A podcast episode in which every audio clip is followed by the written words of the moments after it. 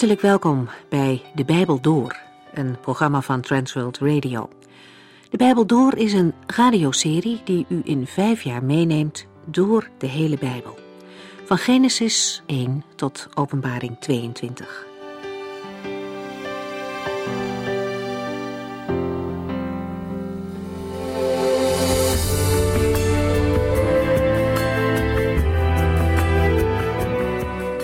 Vandaag vervolgen we de Bijbelstudie met Matthäus 23.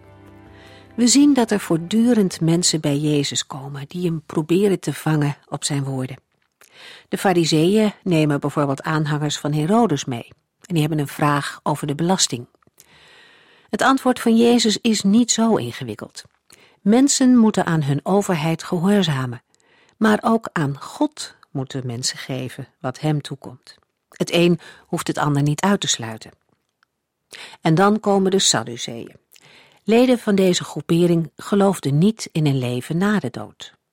Het is de enige keer dat zij een meningsverschil met de Heer Jezus hebben. En de Heer is tegen hen niet zo streng als tegen de huigelachtige fariseërs. Maar hij legt wel de vinger op de zere plek. Ze zaten er helemaal naast. Dat komt omdat ze de Bijbel niet kenden en omdat ze de kracht van God niet kenden. Dat leidde ertoe dat ze een verkeerde leer aanhingen. Uiteindelijk stelt de Heer Jezus zelf een vraag aan de Fariseeën. Hij wil ze namelijk zelf tot nadenken laten komen. Hij wil ze laten zien dat het Oude Testament al aangeeft dat de Messias een hemelse oorsprong en een hemelse roeping heeft. Dat Jezus meer is dan een aardse nakomeling van koning David. De fariseeën op hun beurt hebben geen antwoord op wat de Heer Jezus hen vraagt. En daarmee komt er een einde aan al die twistgesprekken. Ze durven geen vragen meer te stellen. Maar de wijsheid van de Heer Jezus heeft hen niet overtuigd. Ze hebben immers al lang die keuze gemaakt om hem te doden. En daar, daar gaat het nu snel naartoe. In de tempel, het bolwerk van de geestelijke leiders, stelt Jezus hen vervolgens publiekelijk aan de kaak. Over het acht keer, wacht maar, wee u dat de Heer uitspreekt, gaat het vandaag.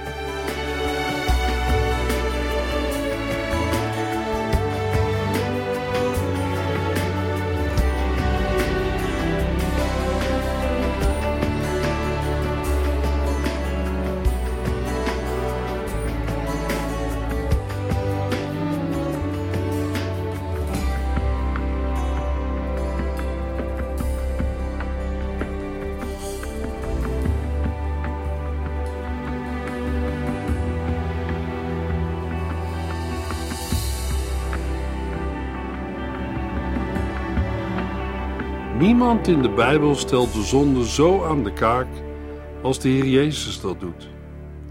In deze uitzending luisteren we verder naar zijn vermaning aan het adres van de Bijbelgeleerden en de Fariseeën. In Matthäus 23 spreekt de heiland een achtvoudig wee over hen uit. Het wee u is niet alleen een dreigende aanklacht, maar in het bijzonder een klacht van droefheid. Matthäus 23 vers 23 tot en met 30. Bijbelgeleerden en fariseeën, het ziet er voor u slecht uit. Huigelaars, u geeft 10% van wat u heeft aan munt en andere kruiden aan de tempel. Maar waar het op aankomt, goedheid, medelijden en trouw, daar houdt u zich niet mee bezig. U moet het ene doen en het andere niet nalaten. Jullie zijn blinde leiders en zeven de wijn om er een mug uit te halen, maar een kameel slikt u door. Bijbelgeleerden en fariseeën, het ziet er voor u slecht uit. Huigelaars, u maakt de bekers en schotels van buiten schoon, maar ziet niet dat ze van binnen vol roof en hebzucht zitten. Blinde fariseeën, maak eerst de binnenkant van de beker schoon, dan zal ook de buitenkant schoon worden. Bijbelgeleerden en fariseeën, het ziet er voor u slecht uit. Huigelaars, jullie lijken op witgekalkte graven, die er van buiten mooi uitzien, maar van binnen vol doodsbeenderen en verderf zitten. U doet u heel vroom en oprecht voor, maar in uw hart bent u huigelachtig en slecht. Bijbelgeleerden en fariseeën, het ziet er voor u slecht uit. Huigelaars, u bouwt monumenten voor de profeten, die door uw voorouders om het leven zijn gebracht. U legt bloemen op de graven van goede, onschuldige mensen en zegt: Als wij toen hadden geleefd, zouden wij de profeten nooit hebben vermoord. Matthäus 23, vers 31 tot en met 36. U erkent dus dat u zonen bent van hen die de profeten hebben vermoord. Maak de maat maar vol. Stel het je sluwe slangen, hoe zult u aan het vreselijke oordeel van de hel ontkomen? Ik zal profeten, wijze mannen en bijbelgeleerden naar u toesturen. U zult sommige van hen vermoorden door hen aan het kruis te spijkeren. Anderen zult u in de synagogen afranselen en van stad tot stad vervolgen. Daardoor maakt u zich schuldig aan de dood van al de onschuldige en gelovige mensen die werden vermoord, van de onschuldige Abel tot Zacharia, de zoon van Berechja. Die werd vermoord tussen het tempelhuis en het altaar. Ja, ik verzeker u, het oordeel over al het kwaad van vroeger zal op het hoofd van deze generatie neerkomen. Jezus wijst op de vele voorbeelden waarmee de Bijbelgeleerden en Fariseeën nadruk leggen op uiterlijkheden, zoals de tiende van hun inkomen, het zeven van een mug uit de wijn en het schoonmaken van de buitenkant van bekers en schotels. Daarnaast wijst hij op hun houding van roof en hebzucht. Hun innerlijke houding moet veranderen en daar ontbreekt het aan. De Fariseeën vervingen werkelijkheden door eigen voorschriften. Geloof in God door formaliteiten en liturgieën. Volgens Leviticus 27 en Deuteronomium 14 moest een Israëliet tiende betalen over de opbrengst van zijn land: koren, olie, most en vruchten, en van het vee. De Fariseeën hadden dit gebod uitgebreid tot de kleinste veldvruchten en tuinkruiden, zoals munt, dille en komijn. In het Oude Testament lezen we dat de tiende betaald moesten worden voor het levensonderhoud van de priesters, Levieten, nummer 18, en armen, Deuteronomium 14. Jezus bekritiseert dan ook niet het geven van tiende op zichzelf, maar de overdreven stiptheid in kleine dingen als tienden van tuinkruiden. Daarnaast werd het belangrijkste van de wet, het liefhebben van de naaste met rechtvaardigheid, barmhartigheid en trouw, verwaarloosd. De mug zeven wil zeggen de wijn zeven met het oog op muggen. Zowel de mug als de kameel waren onreine dieren, Leviticus 11. Het wemelend gedierte in Leviticus 11 sluit volgens de Joodse traditie ook insecten in. De mug is een beeld van het kleinste en een kameel van het grootste onreine dier. De strengsten onder Israël zeefden wijn en andere vloeistoffen om niet per ongeluk een onrein diertje of iets dergelijks in te slikken. Maar jullie eten wel kamelen, zegt Jezus beeldend. Het kleinste kreeg bij hen overdreven aandacht, terwijl ze het grootste veronachtzaamden. Daarom noemt Jezus de Fariseeën en Bijbelgeleerde huigelaars, omdat hun uiterlijke voorkomen niet overeenstemt met hun innerlijke gezindheid. Ze lijken op mensen die alleen de buitenkant van het servies wassen, terwijl de binnenkant vuil blijft. Vuil, dat bestaat uit roofzucht, hebzucht en gebrek aan zelfbeheersing. In tegenstelling tot deze uiterlijke werkheiligheid van de Fariseeën, leert de Heer Jezus dat eerst het hart gereinigd moet worden en dat daarna de goede vruchten pas zullen komen. De Fariseeën leken op graven. Hun uiterlijke optreden was onberispelijk, maar hun harten waren vol van huichelarij en wetteloosheid. De mensen zagen alleen de buitenkant, die leek rechtvaardig, maar Jezus ziet het hart aan. Deze gezindheid van de Fariseeën vormt een absolute tegenpool van een ware gelovige, een reine van hart. De spiegel die de Heere de Bijbelgeleerden en Fariseeën voorhoudt, kan ook ons helpen het beeld van een ware gelovige uit te dragen. Dat kan persoonlijk worden ingevuld, maar ook als kerk of gemeente. Spreken wij mooi en vroom aan de buitenkant? Laten wij aan de binnenkant allerlei zonden voortwoekeren en bekeren ons er niet van? Wie durft er vanuit het woord van God nog te zeggen dat iets zonde is? In de meeste gevallen proberen velen het woord zonde niet te gebruiken. Maar wat door God als krom is aangewezen, kunnen en mogen wij vandaag niet recht praten. Uiterlijke ceremonieën en gebruiken, hoe mooi en prachtig ook, kunnen zonden en afwijkingen niet verhullen.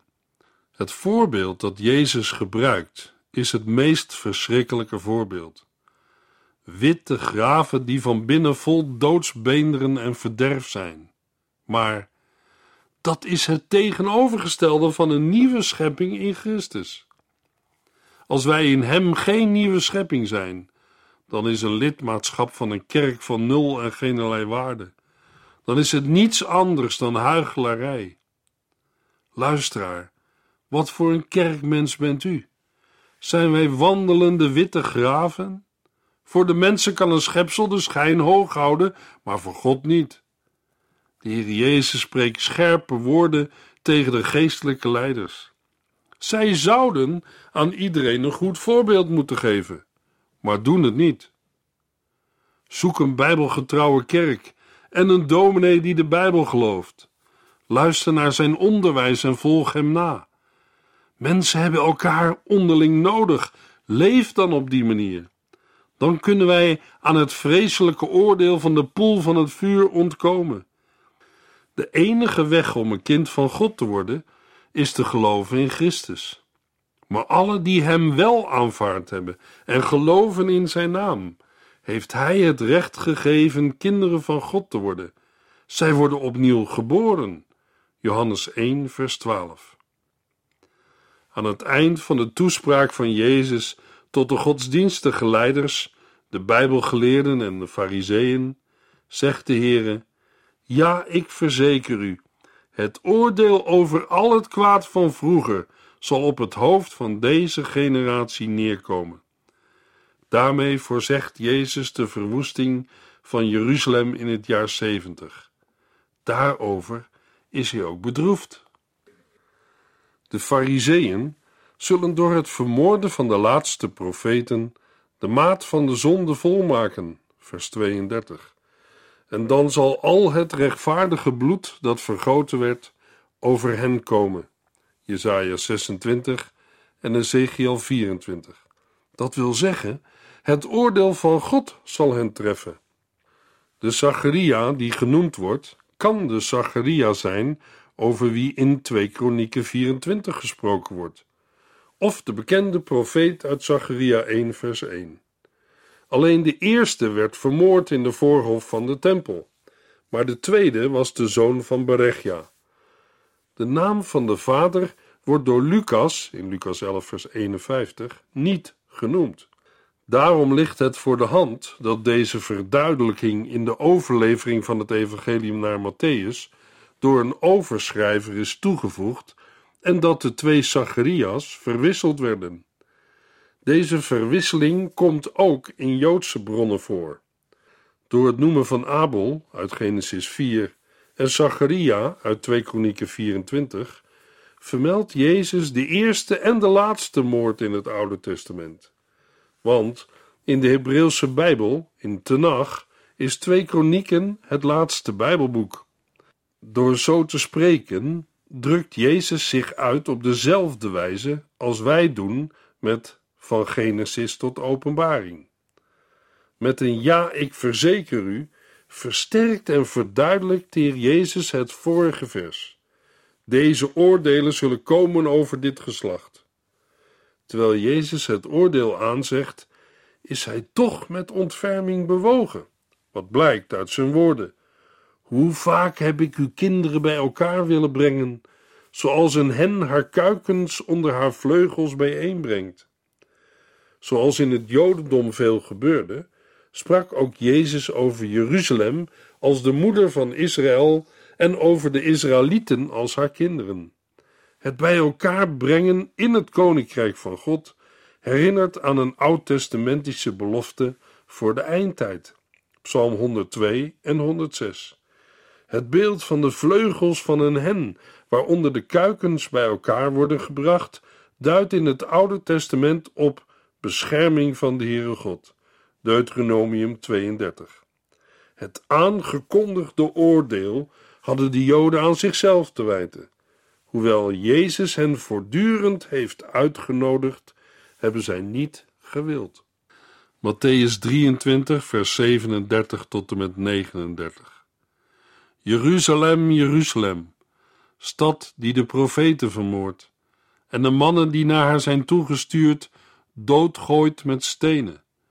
Hoe vaak heb ik uw kinderen bij elkaar willen brengen, zoals een hen haar kuikens onder haar vleugels bijeenbrengt. Maar u hebt het niet gewild. Let op, uw huis wordt aan zijn lot overgelaten, want u zult mij van nu af aan niet meer zien, tot de dag dat u zult zeggen: Gelukkig is hij die namens de Heere komt. Terwijl Jezus het oordeel aanzegt, is hij toch met ontferming bewogen. Het blijkt uit zijn woorden: hoe vaak heb ik uw kinderen bij elkaar willen brengen, zoals een hen haar kuikens onder haar vleugels bijeenbrengt. De Heer Jezus spreekt over Jeruzalem als de moeder van Israël en over de Israëlieten als haar kinderen. Het bij elkaar willen brengen in het koninkrijk van God herinnert ook aan een oud-testamentische belofte voor de eindtijd. Psalm 102 en 106. Het beeld van de vleugels van een vogel duidt in het Oude Testament op de bescherming van God. Deuteronomium 32. Het aangekondigde oordeel hadden de Joden aan zichzelf te wijten. Hoewel Jezus hen voortdurend heeft uitgenodigd, hebben zij niet gewild. Zo sprak Jezus het oordeel uit. Uw huis wordt aan zijn lot overgelaten. Het huis kan de tempel aangeven, maar ook de stad. Bovendien kan het betekenen prijsgegeven worden aan de vijanden, als verlaten worden door God. Deze verschillende betekenissen zijn echter nauw aan elkaar verwant en gaan in elkaar over. Als God de tempel als zijn woonplaats opgeeft, dan wordt daarmee de stad door hem verlaten. Dit houdt in dat de goddelijke bescherming wordt weggenomen, met als gevolg dat het volk verstrooid zal worden en dat Jeruzalem wordt prijsgegeven aan de vijanden. Dan sluit Jezus af met de woorden: Want u zult mij van nu af aan niet meer zien, tot de dag dat u zult zeggen: Gelukkig is hij die namens de Heere komt. Met het woordje want brengt Jezus zijn heengaan, zijn dood, in verband met de goddelijke afwezigheid in de tempel. Dat wil zeggen dat de dood van Jezus verband houdt met de verwoesting van Jeruzalem en het aanbreken van een heilloze tijd voor Israël. Maar deze tijd is voor het Joodse volk niet definitief. Er is een tot de dag dat u zult zeggen. Er blijft een hoop voor het volk Israël. Ook zij zullen deel krijgen aan de zegeningen van het koninkrijk van de Messias, als de Heer Jezus wederkomt en ze hem zullen begroeten met de woorden uit Psalm 118, vers 26. Gelukkig is hij die namens de Heere komt. Jeruzalem heeft Jezus verworpen. Hij is niet herkend en erkend in zijn glorieuze intocht als Messias. Nu voorzegt de heiland de val en verwerping van Jeruzalem. De Heere treurt over de stad. De veroordeling staat vast, maar de Heer Jezus houdt ook van de stad. Hij weet dat het oordeel zal komen en daarom treurt hij. Sommige mensen uit zijn tijd dachten dat hij Jeremia was. Ook hij treurde over Jeruzalem. Niet alleen de godsdienstige leiders, maar ook de leerlingen van Jezus waren geschokt. Naar hun waarneming gebeurden er vreemde dingen. Zij verwachten dat Jezus het nieuwe koninkrijk zou vestigen, met Jeruzalem als hoofdstad. Maar nu zegt de Heer dat ze hem niet meer zullen zien totdat ze hem begroeten met de woorden: Gelukkig is hij die namens de Heer komt. Nu is hij op weg naar het kruis. Toch geeft hij hen de verzekering dat hij zal terugkomen. En dat zal zijn glorieuze intocht zijn. Het nieuwe koninkrijk van de hemelen wordt later gesticht. De Heere vertelt zijn volgelingen dat hij het koninkrijk nu niet op aarde zal vestigen, maar dat hij later zal terugkomen om dat te doen. Daarover waren zij verbaasd en teleurgesteld. In Matthäus 24 zullen we ontdekken dat de leerlingen van de Heer Jezus hem er drie vragen over stellen. Matthäus 24, vers 1. Terwijl Jezus het tempelterrein verliet, kwamen zijn leerlingen naar hem toe en wezen hem op de tempelgebouwen. Jezus zei tegen hen: Al deze gebouwen zullen worden verwoest. Er zal geen steen op de andere blijven. Toen Jezus de tempel verliet, was dit voor de laatste keer. Hij ging naar de Olijfberg. Dit gebeurde op de dinsdag van de Paasweek.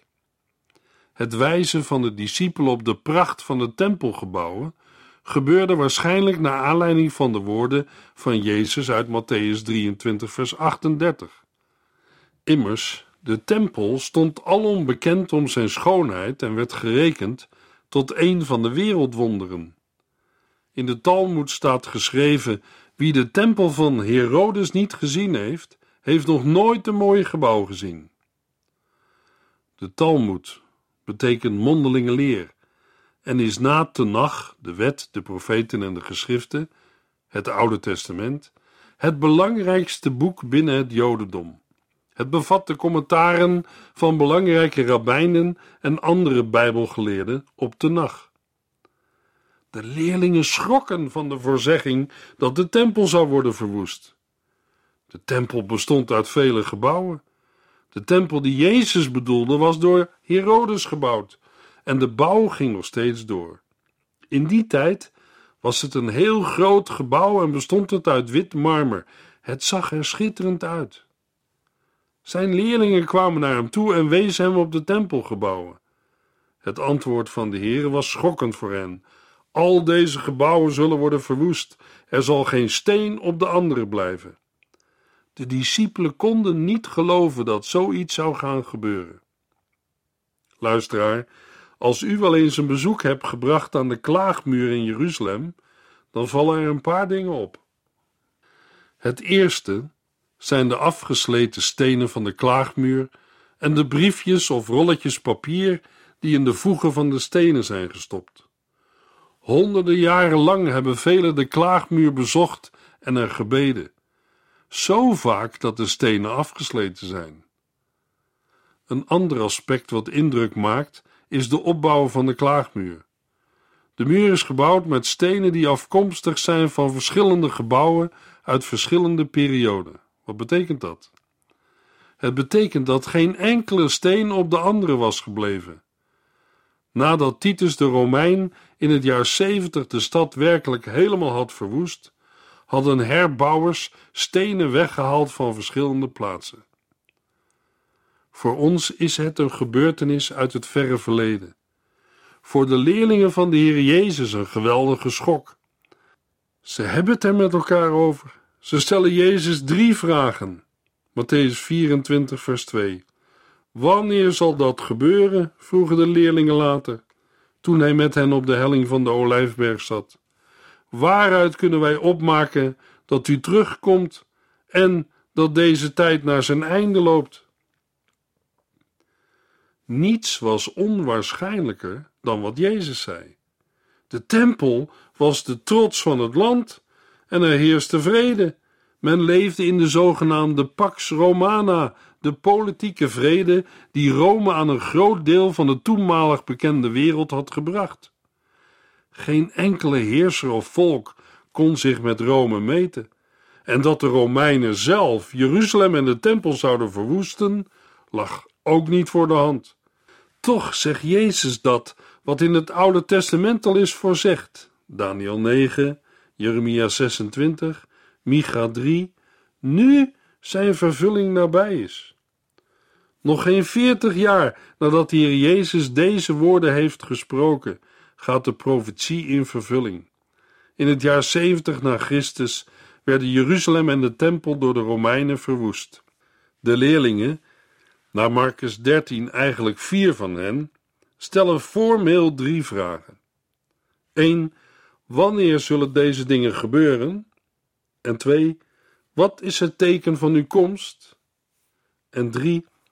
Wat is het teken van de voleinding van de wereld? Inhoudelijk zijn de vragen wanneer en wat is het teken niet te scheiden. De tekenen geven namelijk een antwoord op het wanneer.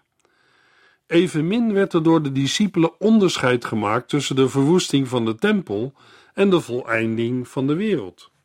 De voleinding van de wereld wil zeggen het einde van de tegenwoordige wereld. Dat wil zeggen dit tijdperk, deze bedeling, bij de komst van de Heer Jezus in heerlijkheid. Het woord parousia betekent letterlijk zowel aankomst als aanwezigheid.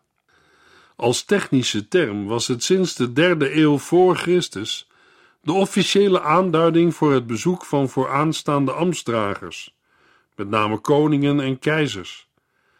Met het woord parousia wordt een komen met gezag en macht aangeduid. Bij het weergeven van het antwoord van Jezus hebben Matthäus en Marcus meer oog voor de voleinding van de wereld, terwijl Lucas meer over de verwoesting van Jeruzalem vertelt. Zo vullen de verschillende evangeliën elkaar prachtig aan. Jezus gaat de vragen van zijn leerlingen beantwoorden. Wanneer zij samen op de olijfberg zitten en de stad met de tempel overzien, dan begint wat wel genoemd is de tweede bergrede van Jezus. Maar daarover meer in de volgende uitzending.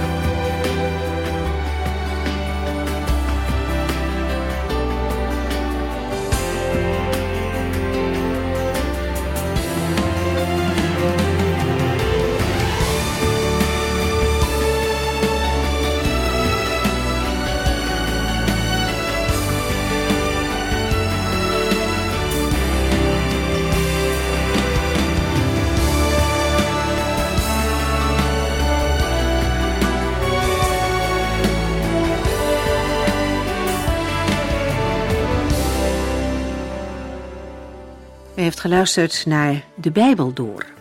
In het Nederlands vertaald en bewerkt door Transworld Radio. Een programma waarin we in vijf jaar tijd de hele Bijbel doorgaan. Als u wilt reageren op deze uitzending of u heeft vragen, dan kunt u contact met ons opnemen. Tijdens kantooruren kunt u bellen op 0342 47 8432. 0342 47 8432. 32. Ook kunt u een e-mail sturen naar de Bijbel door transworldradio.nl en natuurlijk kunt u ook via de post ons bereiken. TWR, postbus 371, postcode 3770, AJ in Barneveld. Dit programma werd gepresenteerd door Cor Weda en Ike André. Techniek was in handen van Odin van Woerdekom. En wij allemaal bedanken u voor het luisteren. Graag tot de volgende keer.